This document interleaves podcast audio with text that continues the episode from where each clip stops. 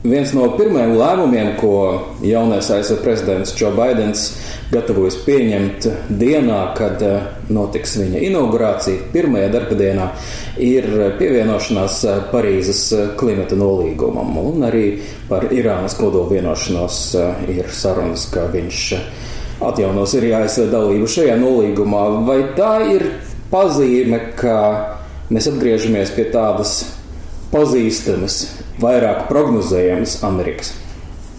Es domāju, ka um, ļoti grūti teikt, ir, kad um, teiksim, iepriekšējā administrācija, kas šodien vēl joprojām ir tā pati administrācija, prezidenta Trumpa administrācija, ir darījusi kaut ko tādu, uh, attiecīgi, kas, protams, varētu radīt priekšstatu, ka uh, tas ir darīts par spīti uh, iepriekšējai Obamas administrācijai vai kaut ko, lai kādam, teiksim, ierieptu vai, vai darītu. Es domāju, ka tas, ko vēlāk, protams, vērtēs un izvērtēs, ir, kad zināmā mērā, protams, Trumpa administrācija darījusi visu to, lai ar to domu, lai Amerika būtu tā pirmā un lai Amerikas sabiedrībai būtu tas, teiksim, visas labums, ko viņi var dot kā administrācija attiecīgi, lai tas būtu. Tas, par ko jūs jautājat, tas, protams, attiecās uz ārpolitikas jautājumiem. Un, kā mēs zinām, tad teiksim, jautājums par Irānu nekad nav bijis vienkārši arī pašā Amerikā. Tas atbalsts varbūt tai vienošanās, kas tika panākta vairākus gadus atpakaļ, nebija tik viennozīmīgs arī šeit. Arī kongresā, kuram ir liela teikšana ārpolitikas jomā, arī tur tas teiksim, atbalsts nebija nemaz tik viennozīmīgs. Un, un tas, teiksim, attiecībā uz, uz Parīzes klimata nolīgumu, nu, es domāju, ka tas ir tīri bija tāds Trumpa varbūt eh, gājiens, politisks gājiens, jo, kā mēs ļoti labi zinām, tad ļoti daudz štati dara to pašu, kas te nolīgumā ir runāts. Vai par kādu vienošanās panākuši, varbūt iespējams, ka dara vēl vairāk nekā, teiksim, to dara kaut kā, kāda cits valsts. Es domāju, ka tas varbūt ir viens no tādiem žestiem, ar ko no, prezidents, ievēlētais prezidents Baidens grib parādīt, kad viņš ir citādāks un ka viņš ir gatavs sarunām un, un, un nonākt atpakaļ pie sarunu galda. Varbūt jautājumos, kur tā situācija varbūt nav tik sarežģīta un kur viņa daudz vienkāršāka.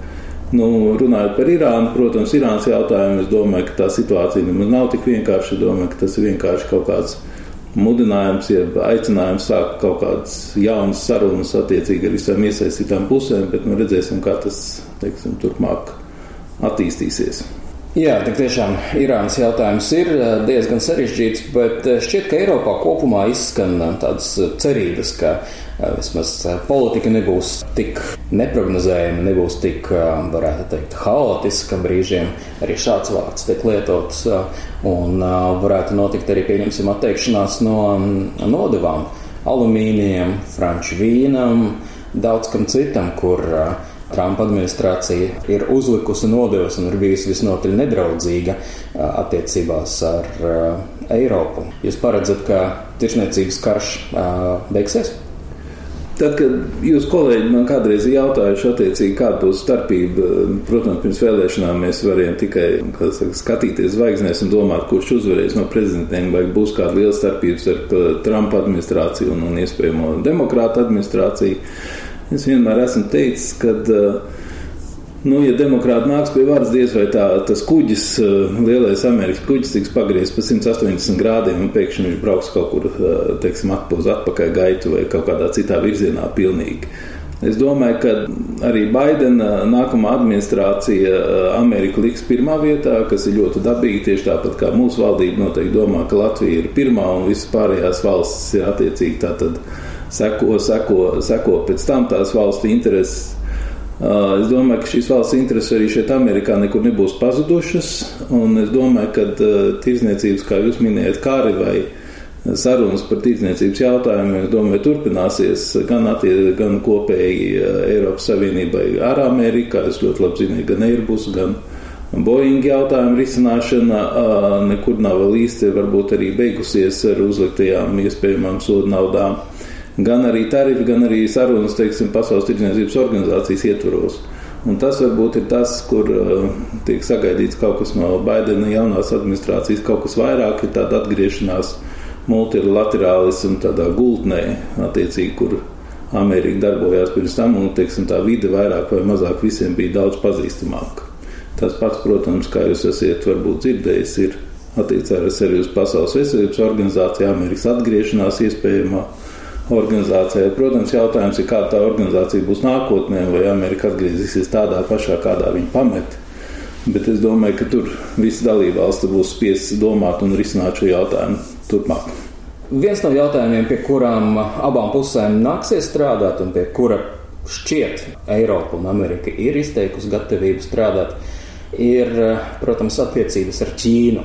Ķīna tiek uzskatīta gan par strateģisko partneri, gan par strateģisko sāncensi, gan arī lielā mērā par apdraudējumu.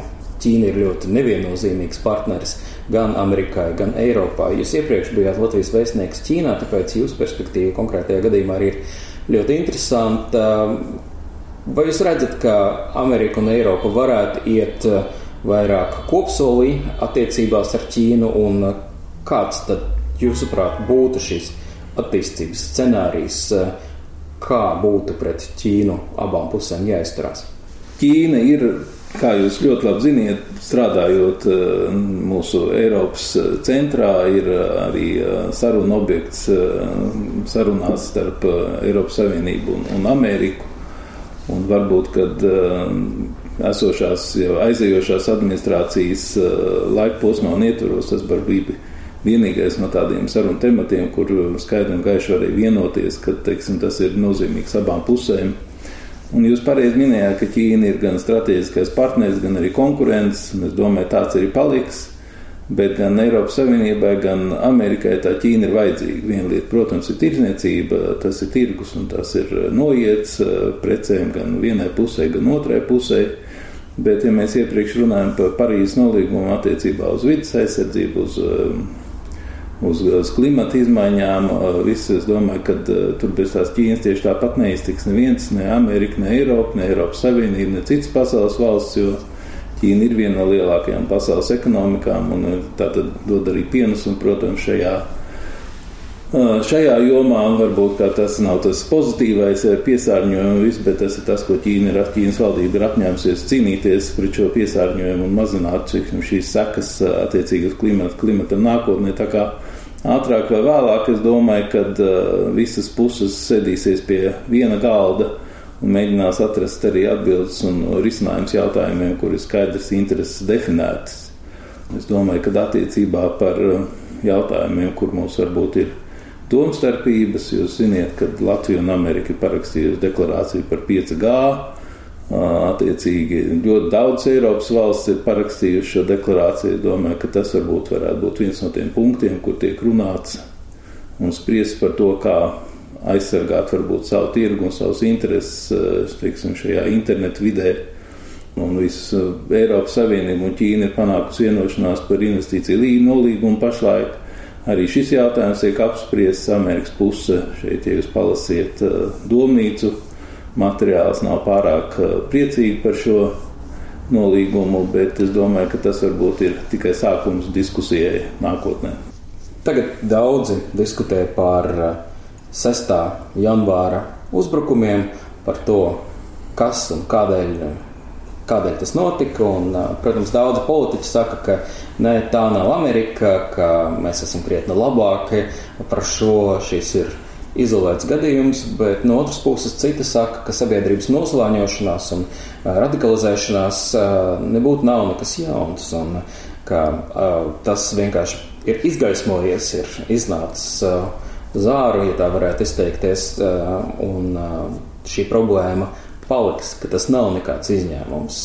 Vai šī sabiedrības noslāņošanās, šī skatījums uz iekšu, Amerika pirmajā vietā, Un arī tas, ko jūs pieminējāt, ka arī demokrātiem nākot pie varas, visticamāk, tas eh, pilnīgi diametrāli nemainīsies.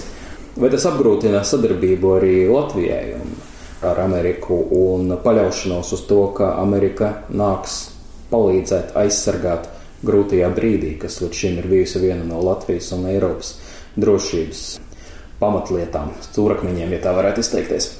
Es laikam sākšu ar jūsu jautājumu pēdējo daļu. Attiecīgi, mēs vienmēr esam uzsvēruši un teikuši, un tā ir arī patiesība, ka Latvija ir vienmēr bijusi ļoti laba sadarbība gan ar, de, gan ar demokrātu administrācijām.